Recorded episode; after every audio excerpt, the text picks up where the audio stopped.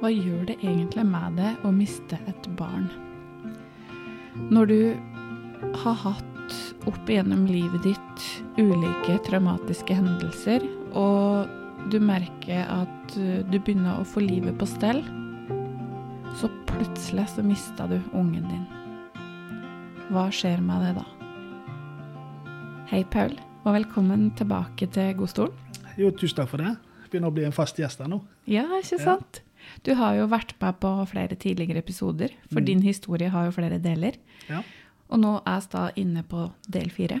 ja. Det Vi- har gått fort. Ja, og vi har jo vært igjennom eh, barndomshistorien din. Mm. Eh, vi har vært igjennom utenlandstjeneste, veteran, opplevelse av å bli tatt som gissel. Vi har vært igjennom et selvmordsforsøk. Mm. Og åssen det er, åssen du på en måte kom deg litt sånn ut av det på egen hånd, og hvilken hjelp du fikk i systemet, da. Ja. Eller mangel på hjelp. Eller mangel på hjelp, Ja. ikke sant. Um, for jeg husker du sa i forrige del, da, på slutten, så sa du noe sånt som at uh, terapeuten måtte være sterk for å på en måte møte en som har en PTSD, og spesielt med veteraner. Mm. Er det noe forskjell, tenker du, på å ha en PTSD som på en måte er der årsaken kommer fra um, utenlandstjeneste, at du er en veteran, eller f.eks. ei ulykke eller mm. vold og sånne ting, da. Ja, både ja og nei.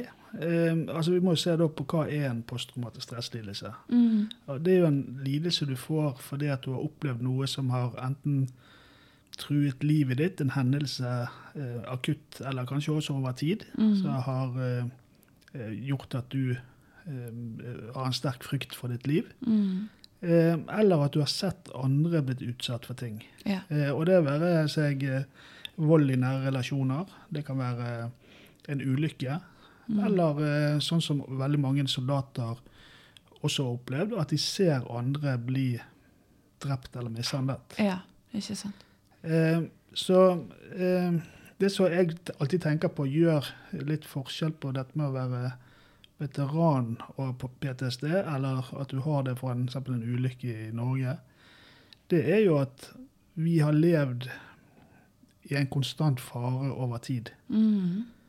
Og det gjør at du trigger denne reptilhjernen skal holdes i live veldig over tid. Mm. Og det gjør at den normalsituasjonen som du er i, eh, den blir veldig forhøyet alarmberedskap i. Mm. Eh, og det gjør det veldig vanskelig å komme hjem. For det at vi fungerer Når du er i en situasjon der du er i krigsområdet, og, og du håndterer det veldig greit, Mm. men så blir det så forferdelig vanskelig å komme hjem til et sivilt samfunn, sånn som i Norge, der det er rolig og ikke noe, noe trussel. Og så omkode hjernen til å tro at et, for eksempel et smell er ufarlig, og det er ikke et angrep på deg. Mm. Mm. Eh, jeg husker eh, for eksempel at jeg har jo likt å gå på jakt i mine yngre dager. Og da på sånn renn, rypejakt og sånt. Mm. Eh, og siste gang jeg gikk på rypejakt, det var sammen med to andre. Vi gikk eh, da oppover et eh, ja, litt sånn fjellparti, så det var ganske sånn bratt oppover. Jeg gikk som tredjemann i følget, Mm. og vi fulgte stien oppover. Og plutselig så ser han som går først, noen ryper. Så han hiver da geværet til skulderen, til skulderen og avfyrer to skudd. Ja. Eh, Min reaksjon på det var å da sikre bak. Altså jeg hev meg ned på bakken og lå siktet bakover på den stien som vi kom fra. ja. Og det Oi. er sånn eh, innlært Ja. eh, reaksjon Mm. når du er i et krigsområde. At når du blir angrepet, Mm. så skal du der på bakken, og så skal du da ta hver sin sektor. Ja, for det er jo sånn at Hjernen vil jo hente fram tidligere erfaring. Ja. Og tidligere erfaring for deg, da, Mm. som hjernen var kjent med, der var jo at nå, er, nå er det bakholdsangrep eller et Ja. eller annet sånt. Og, og klart det at eh, den skammen jeg følte da, Ja. var veldig intens. For de andre to begynte jo å le av meg. ja. og mente at jeg var hva, hva verden er Fordi de er Ja. jo ikke veteraner, så hva verden er det du driver med? liksom? ja. Men jeg følte en sånn enorm skam på det. Mm. Eh, Og Det samme er også hvis du går på McDonald's. Med, da barna var små, så gikk vi gjerne på McDonald's. Mm. Og der hadde de disse ballongene som de hele tiden Ja. eh, skulle dele ut til små barn. Eh, og klart det, når du sitter og spiser og de begynner å smelle med ballonger, så, så går det noen sekunder der mens du er i en, i en fase der du skal Du er på vei under bordet eller Mm. beskytte ungene eller et eller annet sånt. Og så får du en veldig høy puls og en veldig sånn stressreaksjon i kroppen. Så det blir rett og slett ubehagelig å være Mm. i nærheten av det. Så kroppen må rett og slett på en måte til Altså eh, tilvennes en normal tilværelse fordi du har gått med deg stress over tid, eller på en måte alarmberedskap over tid, da. Og det er jo det er jo også sånn at dette her er sånne livsavgjørende ting du da føler. Altså det, det, du, du, du kaster deg ned for du skal redde livet ditt. Mm. Så det er ikke bare en sånn liten tics du får. Du får liksom en, en Hele kroppen går i alarmberedskap. Ja. Og, og det gjør at eh, du ofte trekker deg vekk fra, fra samfunnet. Ja. Eh, Du vil ikke bli utsatt for alle disse her eh, tingene som normalt eh, Du kan tenke gjennom en hverdag du har. Det er mye skriking og skrål og Ja. barn som hopper rundt. Eh, og for meg blir det, og andre med veteraner med det, det blir, veldig slitsomt å forholde seg til det. En andre ting du har, det er jo dette med hvis du går nedover veien, eller kjører bil. Mm. Eh, For en veteran med PTSD så er det ofte du er på jakt etter ting som kan være farlig. Ja. Altså Det kan være veibomber, det kan være eh, snikskytter, det kan være bakholdsangrep eller ambush, som vi kaller det. Mm. Um, og bilbomber. Mm. Så det gjør at du hele tiden sitter i en beredskap og ser eh, på de farene som kan oppstå. Og, Mm. og du lager deg fluktmuligheter. Ja, da vet jeg du fortalte meg en gang at du rygger alltid inn bilen din som står Ja. med snuten framover. Det er lett å se eh, i samfunnet hvem som er veteraner, for de skal alltid stå med snuten ut. Ja. Eh, nei, altså det er jo en sånn kommer det vekk. Og derfor så liker jeg ikke å sitte på med andre. Nei. Jeg liker ikke å ta buss, f.eks. For. Fordi at eh, jeg må ha kontroll over bilen Ja. og muligheten til å kjøre vekk. Mm. Og jeg har jo hørt historier fra andre veteraner som har skapt farlige situasjoner i trafikken. For nettopp det at de, de kjører på utsiden av køen. De Ja. tvinger seg frem uten å ta hensyn til andre og sånt. Og det er Heldigvis har jo ikke jeg gjort det. Mm. Men det er mange som, eh, som sliter i de årene etter de kommer hjem Mm. fra en sånn krigsopplevelse. Ja, det vil jeg tro. Mm. Men åssen eh, Jeg tenker på i forhold til deg å bli møtt av terapeuter som kanskje ikke tåler historien din, da. Mm. Har du opplevd det? Ja, det har jeg. Jeg har eh, eh, møtt eh, terapeuter som, som begynner å grine. Ja. Eh, og det er jo fordi at det er tøffe historier, og, Mm. og vi er jo bare mennesker. Mm. Og klart det at eh, når du skal sitte og ta imot tøffe historier om ja, Det kan være folk som dør, eller eh, Mm. ja, hendelser i krig som er graverende, Mm. så, så krever det litt av den som tar imot det. Mm. Og det gjør at uh, veldig mange veteraner ikke snakker om ting hjemme. Ja. Um, og så har vi også blitt opplært til at vi har et ord som heter OPSEC, Operation Security. Ja, ja. Og det er at vi snakker ikke om oppdraget vi er på til noen utenom de som trenger å bli snakket om det. Så det er på en måte både det etiske i det og eh, Altså, det blir konflikt med det etiske og på en måte det emosjonelle. At Mm. du, du trenger jo å få ut Altså få utløp for følelsene dine, Mm. eh, få snakke om ting. Samtidig så har du noe etiske rundt at det gjør du ikke. Ja, altså vi, vi lærte oss at vi skal ikke snakke om ting. Nei. Eh, og Det er jo kjempefint, da.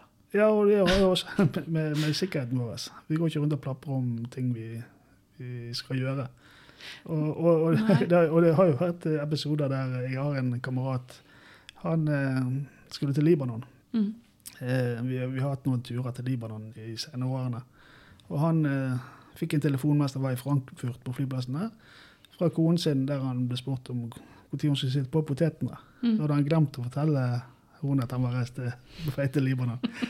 Så, så det er litt sånn eh, Det kan være morsomt noen ganger, men, men veldig mange veteraner de føler at de bare kan snakke om disse tingene med andre veteraner. Ja. Og det gjør at eh, eh, de forteller ikke så mye hjemme. Og så blir det sånn hvor mye interes- interessant er det å, å snakke med hun du bor sammen med, eller foreldre eh, rundt middagsbordet. Ja. Det Nei, det er jo noe med det òg. Ja. Det blir veldig spesielt å fortelle om det Ja, det blir jo no, helt noe annen historie sant, Mm. enn eh, vanlige ting en snakker rundt middagsbordet om, da. Ja. Så, så jeg tenker at eh, Men eh, jeg hadde jo sett pris på og at noen hadde delt historien med Mm. meg og hatt en åpenhet rundt det, da. ja. Men det er ikke sikkert alle Nei, og så er jo det også det der at uh, den du bor sammen med, skal ikke være terapeuten din. Nei. Eh, Nei. Det liksom, eh, vi har forskjellige roller i forskjellige situasjoner i livet. Mm. Og den du bor sammen med, eller kan være foreldre for den saks skyld, skal ikke være pleieren din eller terapeuten din. Mm. Um, så, så det er vanskelig å liksom hele tiden måtte, måtte snakke om disse tingene med Ja. Og du har jo lyst sjøl også å ha det, det avbrekket. Ikke, ikke sitte og snakke om sånne ting hele tiden. Og jeg syns jo det er veldig vanskelig som terapeut da, å Mm. ikke bli den terapeuten. Ja. Ikke sant? Når samboeren min kommer med meg ja, et eller annet, så er jeg veldig fort i den. Ja, men nå du tester ut distraksjon, eller du må prøve møtebord, eller eh, Eller hvis ungene mine kommer, så blir jeg Mm. veldig sånn derre Det blir en terapeut. Jeg blir en terapeut. Kommer jo hun eldste sa det vet du, nå må du slutte. Jeg trenger Mm. ikke terapeut, mamma. Jeg trenger mammaen min. Ja. Så det er litt sånn eh, Jeg går veldig fort inn i terapeutrollen. Mm. Men jeg jobber veldig hardt med å prøve å være mamma, da. ja. Og samboer. Uten å være terapeut. Ja, for jeg, jeg tror det er en viktig rolle å ha. Mm. Og så kan heller andre ta seg eh, gjerne av de tunge tingene. Mm. Eh, du skal jo ha denne statusen i familien. Sant? Altså, du skal være far eller mor, for Mm. den saks skyld. Det er mange veteraner som, kvinnelige veteraner som sliter. også. Så du skal, den, eh, du skal ha den rollen. Mm. Og klart det at hvis det, jeg går til min kone og forteller eh, tunge ting hele tiden, så blir hun på en måte pleieren min. Ja, det blir, og det blir jo feil. Det blir veldig feil. Men det å kunne spare om ting sånn om det handler om det følelsesmessige, Mm. tenker jeg er bra. Men ikke at det hele tida er sånn at du, du Altså kona di blir søppelbøtta, på en måte. da. Nei, sant? Og, og det er jo sånn, eh, i hvert fall i mitt, min, min eh, kone er jo også sykepleier. Mm. Vi har det nok sånn at det er rom for at jeg kan snakke om alt jeg vil. Mm. Eh, sånn at jeg vet det. Ja. Jeg vet at jeg kan gå til henne hvis det er noe, men jeg velger la, da å la være. Ja. Men jeg kan komme med noen kommentarer hvis, det, hvis vi ser en krigsfilm på TV, for eksempel, så kan jeg si å, der er sånn som dette Mm. mente meg om det, eller sånt. Og så bare aksepterer hun det. Ja, ikke sant. Så, så det er jo det, det fine med den, det Mm. forholdet. Mm. Så bra. Men, eh, men det er klart, når jeg kom hjem etter syv kontingenter i utlandet Jeg kom jo hjem 20. desember 95, Mm. Fire dager før jul. Ja. Og landet da i Bergen og eh, hadde hatt da syv år med krig, Mm. eh, mer eller mindre. Så, så jeg skulle jo aldri bli sluppet løs, vet du. Det, var et sjokk både for meg og de rundt meg. For det at eh, jeg kom jo rett fra, fra Sarajevo, Mm. omtrent. Og um, Sarajevo på den tiden var jo, var jo et helvete, Mm. å bruke et sånt ord. Mm. Og, og da skal du rett hjem i det kaoset det er før jul med oh, jule- vene, ja, ja, unger som griner for ikke de får riktige Ja. gaver og sånt. Mm. Eh, og da, da blir det veldig tøft. Det gjør det. Ja. Mm. Eh, og det, det du gjør da, er jo at du trekker det vekk. Ja. Trekker det vekk fra det, og så blir det et problem. Mm. Fordi familien ønsker at du skal delta. Ja, det, det blir jo på en måte galt uansett hva du gjør, nesten, da. Ja. Litt sånn.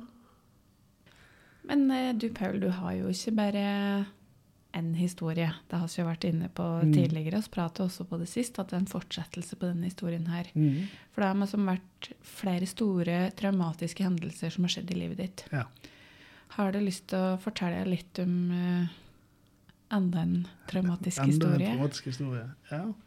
ja, det var jo sånn at uh, uh, når jeg begynte å ta tak i mitt eget liv, Mm. og det, var jo, det er jo som jeg sier, at du må gå fra å overleve til å leve. Mm. Eh, og det, det er jo bare meg som klarer. Altså, hver person må ta tak i sitt eget liv og, Mm. og tvinge seg til å opp på beina og komme i gang med, med livet sitt igjen. Eh, og jeg hadde jo da i 13 år etter dette selvmordsforsøket jobbet meg oppover, altså bygget stein for stein, og, og følte jo at livet var ikke 100% men eh, så iallfall nok til at jeg fungerte. og Jeg fungerte godt i jobb Mm. da jeg prøvde meg på det. Og jeg eh, ja, var litt sånn eh, klar for å leve livet videre. Ja. Men så da han første sønnen min, eldste sønnen min, jeg, jo, jeg fikk jo tre barn, han utviklet, utviklet et rusproblem. Mm. Vi bodde ikke sammen, eh, og han var jo blitt 18 år. Mm. Um, og hele tiden så De gangene jeg snakket med han, så, så hadde han en plan for livet sitt. Han skulle i militæret, han skulle utdanne seg til kokk. Han skulle eh, på Kystvakten. Husker jeg at han snakket mye om at han hadde fått beskjed om at han skulle der. Bare han skulle være ferdig med fagbrevet først, og så skulle han i Kystvakten. Og det var Som gammel militær så var jo jeg stolt over det. Mm. At han skulle eller ville satse også i militæret. Mm. Eh, men så plutselig fikk jeg vite det at det var jo ikke sånn verden var. Nei. Han var begynt å utvikle et eh, rusproblem, ganske alvorlig. Mm. Eh, han eh, Når jeg fikk vite at han hadde det, så var det rett og slett at han ble arrestert i Sverige for smugling. Ja. Smugling av narkotika fra Danmark. Ja. Eh, og siden han er 18 år, eller var 18 år da, så får jo ikke du vite så mye. Nei. Så jeg var jo desperat etter å få informasjon Mm. for å forstå hva dette var. For jeg hadde jo et verdensbilde der som plutselig ikke stemte. Mm. Og til mer jeg begynte å grave i det, til mer fikk jo jeg forståelse av at han hadde et alvorlig eh, rusproblem Mm. som ikke jeg eh, var i stand til å oppdage sjøl. Og det forundret jo meg, for det at, eh, som ambulansesjåfør så har vi vært på veldig mye overdoser, spesielt i Bergen. Ja. Eh, og jeg hadde jo så, da, som mange andre har, et bilde av en narkoman, hvordan de ser ut, og hvordan de snakker, og hvordan de, Mm. ja, hvordan de, de, de Du kan identifisere det. Mm.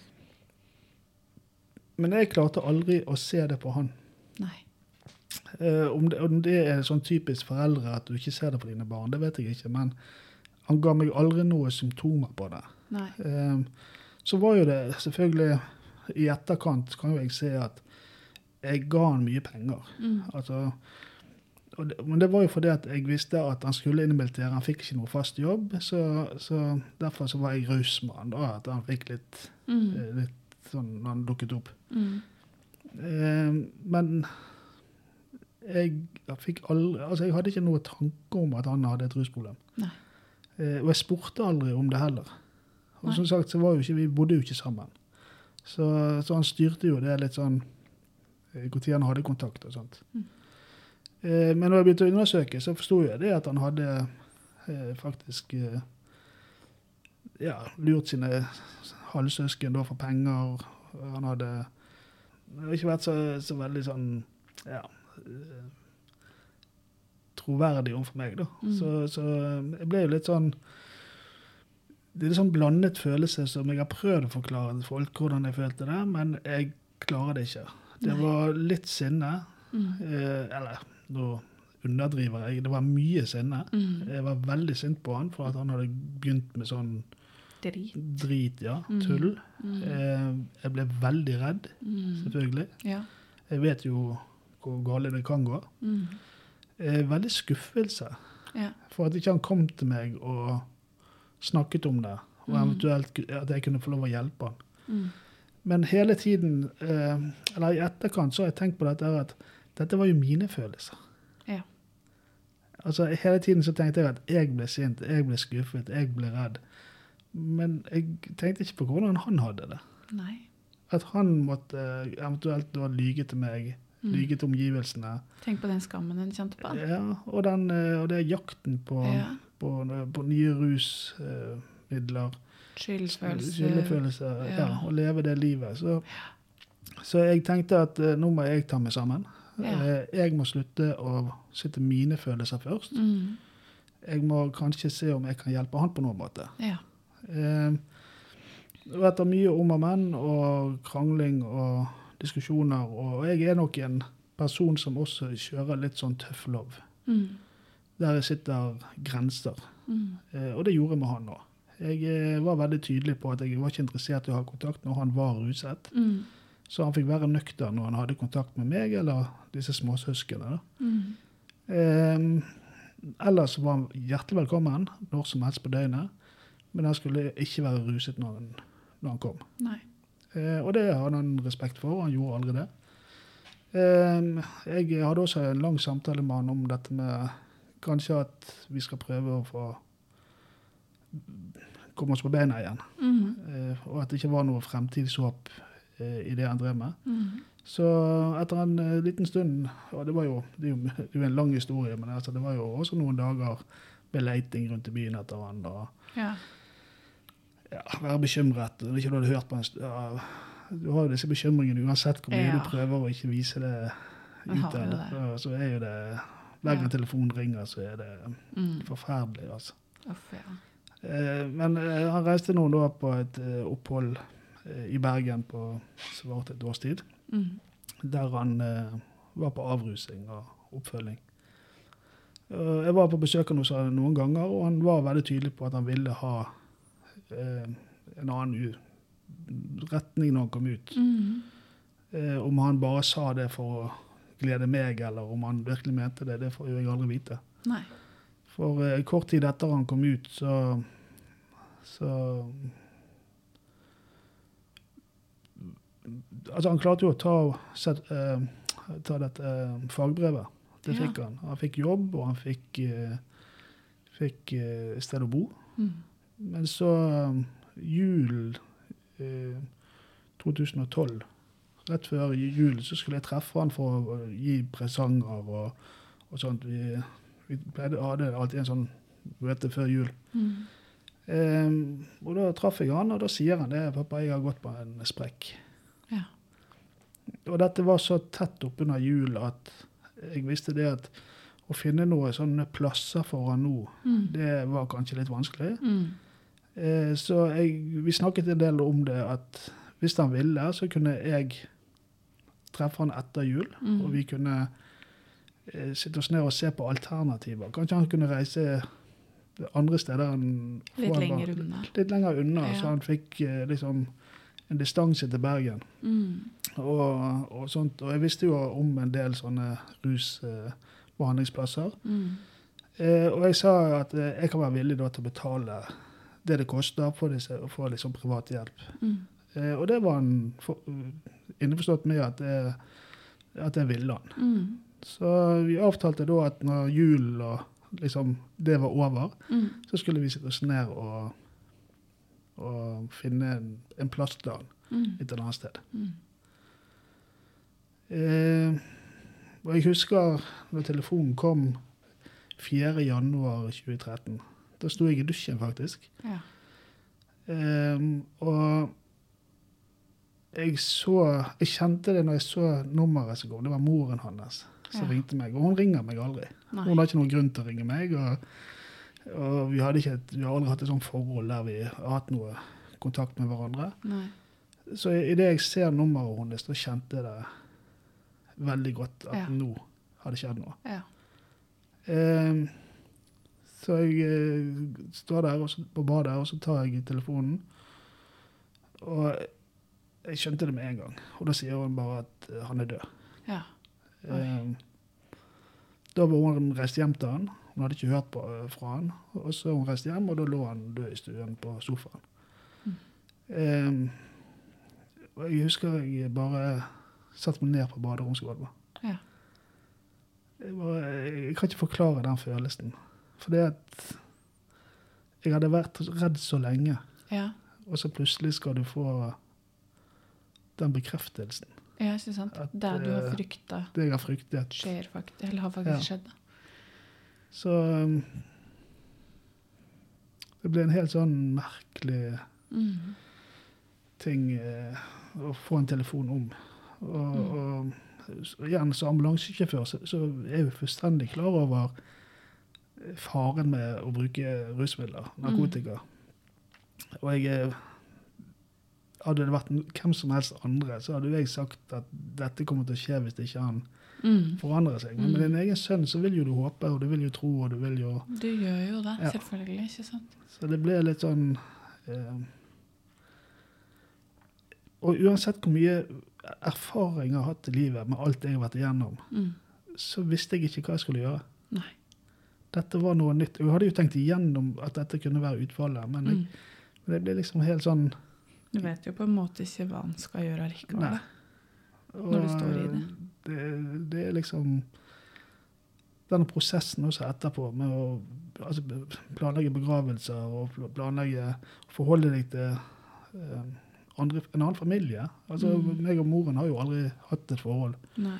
Jeg kjenner jo den ikke, egentlig. Nei. Og så skal du plutselig begynne å forholde deg til, til de igjen. sant? Altså, eh, så det var litt sånn ja, problematisk, vil jeg si, å begynne å sørge. Oh, ja. Det ble mer sånn praktisk. Du, ble, du gikk inn i den praktiske Ja. Og så sørget du litt sånn innimellom. Spesielt da du skulle legge deg om kvelden.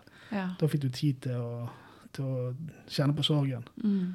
Så, så det gikk litt om til begravelsen. Når den var ferdig, da kunne jeg endelig liksom Sørge litt mer på ta, ta det litt tak i det. Ja. Og en av de tingene som jeg ser tilbake igjen på i dag, som var veldig rart, det var jo at eh, eh, jeg var på vei til bisettelsen eh, en morgen. Altså den morgenen vi skulle bisette den. Mm. Og så ringer det fra TV 2. Ja. Eh, og jeg var litt sånn stresset. Jeg eh, skulle jo rekke dette. Og, og sånt. Vi skulle være der litt i god tid. Så ringer TV 2. Ja, om jeg eh, kunne komme i studio. Nei, ikke noe, sier jeg. Jo, det hadde, det hadde skjedd noe nede i Afrika, i, i Namenas. Jeg vet ikke om du husker dette, men det var en del norske statusansatte som ble tatt som gisler i Algerie, og, Ja. som, som da Ja, det hadde vært noen som ble skutt, og Ja. det var masse medier på det. Mm. Og siden jeg hadde, har min erfaring med, med dette, så, så bruker de meg ofte da som en sånn ekspert i media. Mm. Og, og han var veldig på at jeg måtte komme med en gang, og her nå skulle jeg rett på livesending og, og sånt. Mm. Og jeg sier nei, jeg kan ikke komme i dag. Jeg kan komme i morgen. Nei, det er liksom for seint, du må komme nå. Og hvorfor kan ikke du komme i dag, da? Nei, jeg er på vei i begravelse til min sønn. Og da ble han helt stille. Ja. Og jeg skjønner jo det at det var Det var ikke det han, var ikke var ikke det han hadde forventet. Eh, men det jeg gjorde da i dagene etterpå, det var at jeg, eh, jeg tok pause i sorgen. Ja. Så jeg var mye i media. Uh, både nasjonal og internasjonal media. Mm. Og, og snakket om dette med å være altså, gisselråd og sånn som det. Mm. Og så gikk jeg hjem, og så sørget jeg. Ja. For jeg visste det at hvis jeg skal bare være hjemme alene og sitte og tenke på dette, så, så klarer jeg det ikke. Nei. Det blir for mye for meg. Mm.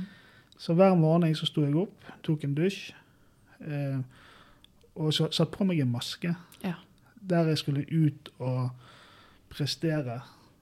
Og så måtte jeg si nei til en del ting, for da måtte jeg hjem, og så måtte jeg bare ligge på sofaen og grine. ja.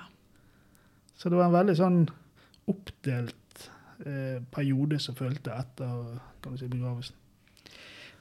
Hva gjorde det med det, da, som på en måte har, eh, har opplevd altså eh, PTSD, mm. på en måte så mye traumatiske hendelser, da, Mm. og i tillegg få dette opp igjen når det på en måte livet begynte å ordne seg litt? Ja, altså jeg, eh, jeg vil jo si at jeg, jeg hadde jo et, et fundament. da. Mm. Altså, det er jo rart med dette livet her, men alle erfaringer vi gjør oss, Mm. eh, både gode og dårlige, det blir en erfaring. Mm. Eh, og det gjør at, at uh, du kan hente mye fra tidligere erfaring på hvordan du skal takle ting. Mm. Eh, jeg bestemte meg eh, vel for at jeg skulle klare det å komme gjennom det alene. Mm. Um, og i hele mitt tidligere liv før det, dette skjedde, så har jo jeg alltid vært en sånn som så mange menn er. Vi går og jobber mye, Ja. og vi hopper på prosjekter, og vi Altså, vi gjør noe som, som opptar tiden for oss. Mm. Um, og rett etter at det skjedde i Narmena, så var jo det ikke lang tid etterpå, så fikk jeg tilbud om å bli livvaktsjef i Syria. Ja. Um, og jeg eh, satt lenge og tenkte på det, om jeg skulle reise til Syria og bli livvaktsjef for FN. Mm. Jeg er utdannet også livvakt og har erfaring som det. Så det ble litt sånn skal jeg bare hoppe på noe. Ja. Det er godt betalt, jeg kommer meg vekk. Ja. Det er litt i Altså, jeg, jeg vet hvordan det der er, så Mm. jeg, jeg kan gjøre den jobben godt. Mm. Men etter å ha gått noen runder, mange runder med meg sjøl, så fant jeg ut det at nei, vet du hva, Paul, kanskje du skal ta den sorgen litt på alvor, og alle de traumene dine litt på alvor, Mm. og heller prøve å komme ut av det. Ja. Så ca. Syv, syv måneder etterpå så bestemte jeg meg for å søke hjelp. Ja. Jeg hadde ikke fått noe hjelp til, Nei, det på, på disse tingene. var fint lite. Ja, og Ja. jeg har jo ikke fått noe hjelp med dette dødsfallet heller. til min sønn. Det, å miste han, det var jo Ja. ikke noe som jeg fikk hjelp til. Nei. Jeg vet at kommunen har eh, sånt tilbud, Ja. men de hadde da tilbudt mor, eh, men ikke far. Nei. Og da ble det litt sånn at hva gjør jeg nå? Mm. Så jeg reiste ned til eh, et sted som heter Livsmestringssenteret i Bergen. Det er på legevakten i Bergen. Mhm. Eh, fordi at jeg rett og slett ikke vis- visste hvor jeg skulle gå. Mm. Så spør jeg om hjelp, og de kunne ikke hjelpe meg. Eh, og da begynte det en sånn runde. da. Jeg var innom fem forskjellige steder Mm. eh, på vurderingssamtale. Ja. Og noen steder så begynte jo da psykologen å grine, Mm. rett og slett. Mm. Eh, så jeg satt mer og følte at jeg trøstet igjen enn jeg, jeg fikk hjelp derfra. Ja. Men samtlige steder så fikk jeg beskjed at jeg var for syk til at de kunne hjelpe meg. For syk? For syk. Og det ble jo jeg veldig paff over, for det, Ja. jeg er ikke her for en sykdom. Eh, og jeg husker veldig godt eh, at det, det, jeg gikk tilbake igjen til det som jeg har gjort før. Jeg ble veldig sint. Ja. Og da ble jeg eh, sånn at dette skal jeg fikse. Så jeg tok kontakt med, gikk opp på Ressurssenter for vold og traumatisk stress og selvmordsforebygging i Bergen. Mm. Eh, RVTS heter det. Mm. Eh, og sa det at nå må vi gjøre noe. Mm. Eh, nå får jeg beskjed at jeg får ikke hjelp pga. min PTSD. Og det er jo ikke derfor jeg ber om hjelp nå, det er pga. sorg. Ja. Og å håndtere dette å miste et barn. Eh, så vi må gjøre noe for å få opp kunnskapen rundt om på DPS-ene. Men er det ikke derfor de er der. For å hjelpe? Altså, jeg skjønner dette der er for meg Mm. uforståelig, altså. Og det var jo det for alle. Ja. Eh, Men det vi gjorde da, det var at vi lagde et eh, konsept der vi reiste rundt til alle DPS-ene på Vestlandet og holdt foredrag ja. om hvordan de skal ta imot traumatiserte pasienter. Og det Ja. gjorde vi i tre, tre år. Ja. Eh, og jeg var faktisk tilbake igjen på det siste stedet jeg fikk avslag. Og det avslaget kom så konstant fordi at jeg hadde hatt en vurderingstime der. Mm. Og på vei hjem fra eh, den timen Mm. Jeg hadde ikke kjørt bil i mer enn fem minutter. Så ringer de, og da sier han legen at nei, du er dessverre for syk til at vi har kapasitet til å hjelpe deg. Eh, og han var på dette foredraget mitt. Ja. Så jeg satt og så på han og fort- og fortalte det at jeg har blitt avvist på den måten. Ja. Og han ble jo litt sånn, så litt tilbake igjen. Eh, og han kom jo til meg etterpå. Heldigvis han var, tok til veldig voksen. Han kom Så tilbake tilbake til meg etterpå og, sa, og beklaget seg veldig at han hadde måttet gjøre det. Men det er pga. disse begrensningene DPS-en har fått. ja. Eh, og avslaget var da begrunnet i at jeg hadde så behov for så, for så mye hjelp ja. at de kunne ikke gi meg alle de timene de mente at jeg skulle ha. Og så er det Det henger jo ikke på grep. Nei. Og da sa jeg til dem at eh, Og mitt foredrag der går jo på nettopp disse tingene at hvem er jeg når jeg møter deg? Ja. Jeg er en far i sorg. Ja. Eh, og det kan gi de behandle, for det behandler jo de Ja. eh, hver dag. ja. Eh, Det handler jo mer støttesamtaler, da. Ja. Og hjelpe å finne veien ut av Mm. sorgen. For jeg er jo ekspert på PTSD og behandler behandle den sjøl. Mm. Men jeg er ikke ekspert på å miste et barn. Nei. Det, det hadde ikke jeg gjort før. Nei, ikke sant. Så um, jeg var ikke imponert over det norske helse- helsevesen. Nei. Og jeg ser jo det når jeg holder foredrag nå og jeg reiser rundt. Det er mye tårer blant tilhørerne. For det at det er tøft, og det er sterkt. Mm. Eh, og jeg skjønner jo at de da sier at dette kan bli litt for voldsomt for dem. Mm. Men så mener jeg det må jo være noen der ute som er interessert i litt utfordringer. Ja. Så da kan, eh, så kan ta eh, ta det som en utfordring og rett og slett å hjelpe.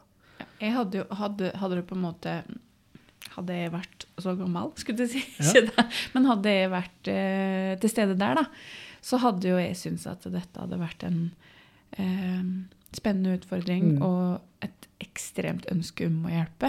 Ja. Fordi at jeg har jo hørt voldsomme historier i terapistolen, jeg òg. Og jeg har jo klart å hjelpe.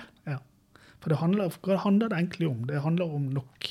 Ja. Nærhet, omsorg og kontakt. Ikke sant? Og, og bryte det ned og finne de små tingene som du kan gjøre noe med. For det at Mm. tar du mitt liv under ett, så har jo jeg en voldsom historie. Det er Mm. jeg klar over. Det er jo derfor jeg reiser rundt og holder foredrag om den. Mm. Og skriver bok om den. Mm. Men, eh, men eh, bryter du det ned, egentlig, så har ikke jeg opplevd eh, sånne ting som ikke går an å, å hjelpe til med. Nei, nei, nei. absolutt ikke. Og det å miste et barn er Alle forstår at det er vanskelig. Ja. Alle, og de som har opplevd det, sier gjerne det samme, at de føler seg veldig ensomme i det. Mm. Men, eh, men eh, det er ikke noe som ikke går an å hjelpe, gi hjelp til. Mm. Og så er jo det også dette her at han altså Jeg vet ikke om du har tenkt igjennom det noen gang, men altså vi, vi sitter jo dødsfall i forskjellige kategorier. Ja. Sant? Altså, og det, jeg har tenkt på det i mange år og, og syns det er litt, litt sånn rart. Men måten du dør på, Mm. avgjør ofte hvordan andre mennesker ser på deg, eller ser på, det, på den som dør. ja. Eh, hvis du dør f.eks. som soldat i utlandet, da er du en helt. Mm. Eller at du blir tatt i et ras eller i en sånn type ulykke, så, så på en måte får du en status. Eh, dør du av kreft, så får du også en eh, på en måte en varmere mottagelse. ja. Det er det Eh. beste som går først. Ja, det er jo det verste jeg hører, for det er ikke det beste som går først. Nei. Men, det noe vi liker å trøste oss med. Ja. Eh, men dør du av selvmord eller overdose, så er det skambelagt. ja. Det gjør at eh, eh, det skal helst eh, ikke snakke så mye om. Nei. Det skal helst eh, ties vekk, og, og det, eh, foreldre som opplever det, føler en veldig skam på det. Mm. Men så er det jo sånn at en, en mor eller far som mister et barn, det spiller jo ikke noen rolle på hvilken måte det barnet døde. Nei, nei, nei, nei. Langt ifra. Det er sorgen i det. Sorgen er jo det samme Ja. uansett. Og jeg har full forståelse for at det kan være litt sånn trøstende, men også utfordrende hvis eh, noen mister et barn i, i krig eller sånt, Mm. eller i en hendelse som får mye pressedekning, fordi Mm. at det, det blir så opp i dagen. Men, Mm. da, men da får de også kanskje mer forståelse og trøst hos eh, Folk rundt. folk, folk rundt. Ja. Men når du kommer og sier at barnet ditt er dødd av selvmord eller eh, en overdose, så, så vet ikke de helt hvordan de skal trøste deg. Nei. Og jeg, eh, I etterkant av dette så har jeg også vært, jeg har deltatt eh, som medforsker i et forskningsprosjekt i Bergen som heter 'Etterlatte etter narkotikarelatert død'. Mm. Det er Kari Dyregrov som, som leder det arbeidet. Mm. Og der så vi det at eh, foreldre hadde altså Det er mye skam i denne formen å dø for. Ja. Og det, det forstår jeg. Ja. Jeg respekterer at folk ser det sånn. Mm. Eh, Men det er forferdelig vanskelig å Mm. oppleve det. Og det er jo derfor det er så viktig med den åpenheten. Og Mm. det er jo også kjempefint at du har lyst til å dele det Mm. åpent her. Fordi at eh, til flere som på en måte hører det, og kanskje opplever det samme, kanskje det- det blir noe mindre skam rundt det, ikke sant? Ja. Vi kan mer flere det, som men, eh, deler. Jeg tror ikke det. Eh, og det er fordi at vi har et, et syn i Norge på psykisk sykdom, rusavhengighet, som eh, ikke vi klarer å snu bare med samtaler. Eh, altså Går du til Oslo i dag, eller til Bergen, og ser disse narkomane som står der på hjørnet, Mm. så, så ikke du, du ser ikke på dem. Du, du ønsker ikke blikkontakt med dem. Mm. Eh, og det blir, det blir til at vi, vi ser på de som utskudd i samfunnet. Mm. For det i- i samfunnet i dag så skal vi opp og frem. Ja. Vi skal prestere, vi skal bli gode på noe, vi skal bli rike, vi skal bli vellykkede. Mm. Og disse her gir oss en, et innblikk i at det er også en annen side i det. Mm. Så derfor så tar vi avstand fra dem. Men det er jo det som er så viktig å få med, da. Det innblikket òg? Den Mm. Ja. andre sida òg. For livet er jo alt. Ja, det er det. Det er jo hvem, Altså, jeg kan jo ikke vite om jeg Jeg kan jo havne utpå. Jeg, jeg vet Ja. jo ikke det. Det er jo ingen som på en måte går og vet at Mm. min skjebne er sånn. Nei, og jeg, jeg har truffet mange eh, narkomane som har begynt med en sykdom eller skade. og Så begynte mm. de med, med smertestillende Ja. og gikk over da til eh, tyngre stoffer, for de fikk ikke mer hos legen. Ja. Og vi ser jo denne epidemien som har vært nå i USA del år. Mm. Nå tror jeg eh, altså, nå, Jeg tror ikke det er en familie i USA som ikke har en narkoman i familien. Nei. Det skal du iallfall lete en stund. Mm. Men eh, det er så store tall som dør hvert år av overdoser i USA, Mm. at eh, eh, det, det skremmer meg. Ja. Det skremmer meg virkelig. Og Norge ligger jo på topp i eh, overdosestatistikken når du ser på antall innbyggere i landet. Såpass. Så er jo vi et, uh, har vi forferdelig dårlige tall i Norge. Ja. Og det betyr at hver dag eller hver, hver uke så får vi nye pårørende som, som går de samme kampene. Ja. Som går og leter etter barna sine, som går og er bekymret, som ligger våken. Ja. Som må, må ta imot disse dødsbudskapene. Mm. Eh, og, og, og prøve å finne trøst i noe.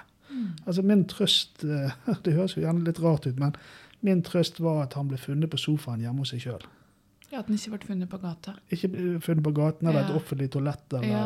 uh, i, en, ja, Ja. i en sånn tilstand. Mm. Og det er fordi at eh, som ambulansesjåfør så har jeg vært på veldig mye Mm. uh, overdoser på toaletter eller i parker eller Mm. noe sånt. der. Så, så jeg holdt på den tanken han var iallfall hjemme på sofaen. Ja, ikke sant.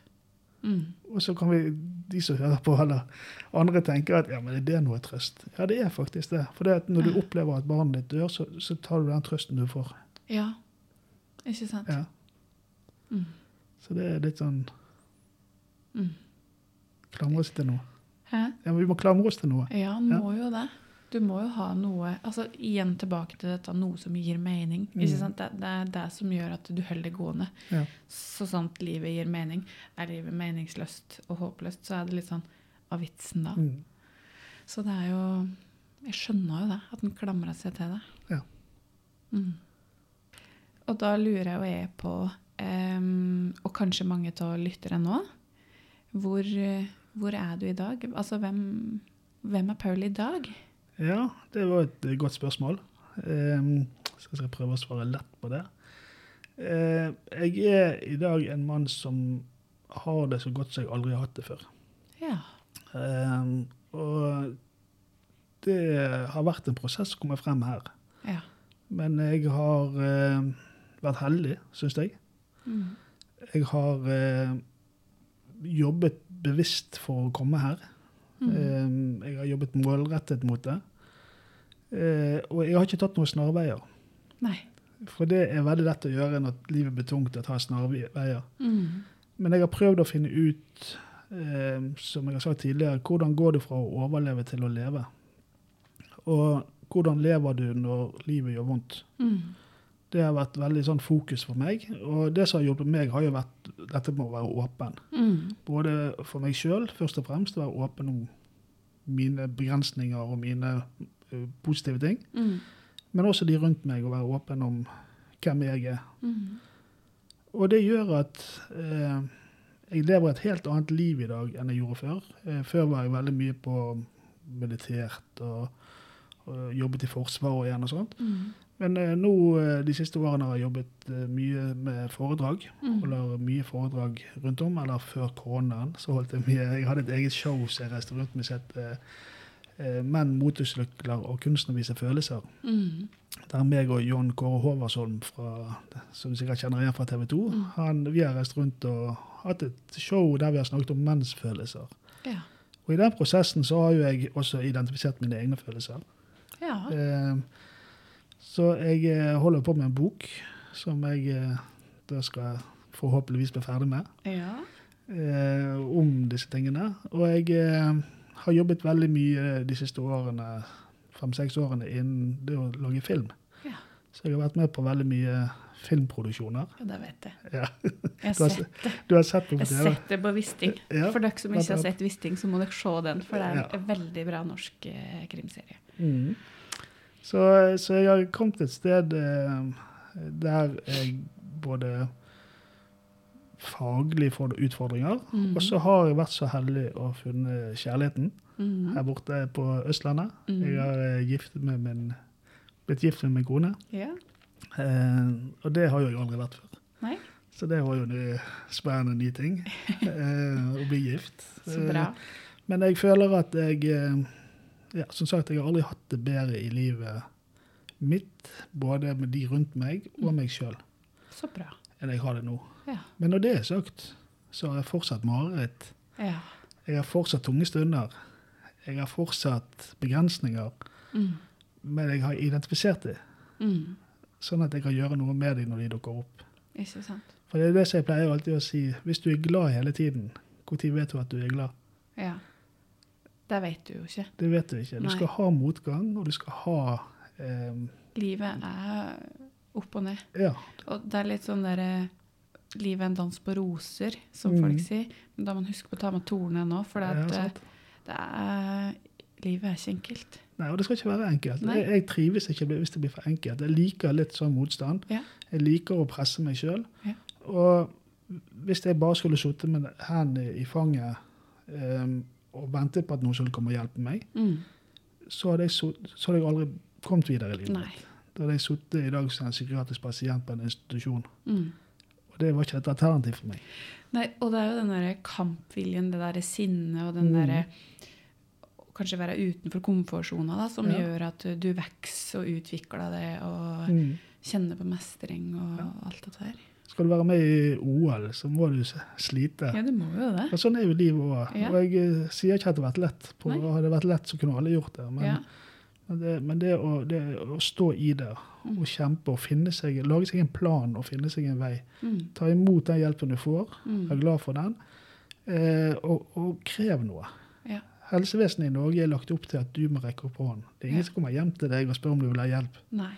Eh, og som ofte så får du ikke du hjelp når du trenger det. Mm. Du er nødt til å kjempe mot alle de andre for å få hjelp. Og så er det så mange, dessverre, da, som ikke Mm. orker å ta den kampen. Ja. Mm. Eh, Men gjør det. Begynn på den. Men bryt det ned. Ta ett Mm. skritt av gangen. Ja. Ikke, ta, ikke se bare det store fjellet foran deg. Gå ett skritt av gangen. Så etter et år så snur du deg og ser hvordan hadde det i fjor. Mm. ja. Det er en veldig fin Mm. eh, greie. Og ser du at du har forbedret posisjonen din, Mm. så går du riktig vei. Mm. Ser du at det har blitt verre, så går du feil vei. Da må du snu. Da må du snu. Mm. Ja, og så eh, bruker jo jeg mye tid på å hjelpe andre. Jeg, eh, vi har jo kontorfellesskap nesten fått meg og deg. Ja. Eh, der jeg prøver å være en samtalepartner for de som har ulike eh, utfordringer. Mm. Og jeg kan hjelpe de med å, nettopp det å bryte ned eh, disse tingene. Ikke sant? Og det er jo kjempebra. Um, at oss har jo, oss har jo blitt en liten sånn gjeng her, Ja, med Paul som samtalepartner, meg og Jana. Gjerne på spisevegring og mm. de utfordringene. Og det er jo også et tema som er veldig spennende å, Ja. å ta med. Mm. Eh, nei, så vi har, blitt en, vi har et godt tilbud her Ja. for mennesker som har utfordringer i livet. Og Kom til oss. eh, kom til oss. Ja, Eh, vi skal prøve å gjøre det beste vi kan eh, absolutt. for å hjelpe. Og veldig viktig, vi har alltid første time gratis. Det har vi. Det Det sånn viktigste for oss er at folk får hjelp. Ja, og at eh, vi er, er vi de riktige for å hjelpe. mm, Og det finner vi oss jo ut, da. Ja. Mm. Herregud. For eh, altså, dette er jo flere episoder. Og for dere som lytter, så er det jo del 1, 2, 3, og dette er nummer fire. Mm. Så hvis du vil høre hele historien til Paul, så må du gå tilbake og lytte. Og tusen, tusen takk for at du hadde lyst til å dele din historie. Jeg vet at det også har vært litt sånn utfordrende for deg. Ja. At du har kjent på mye. Det er tunge, tunge stunder som eh, skal prøve å bli- beskrevet, og det er Ja. ikke lett. Nei. Nei. Så jeg setter kjempepris på at du hadde lyst Ja. til å dele historien din. Tusen takk for at jeg fikk være med. Mhm. Mm. Så da ønsker jeg deg en fin dag videre. Likeså. Så prates vi.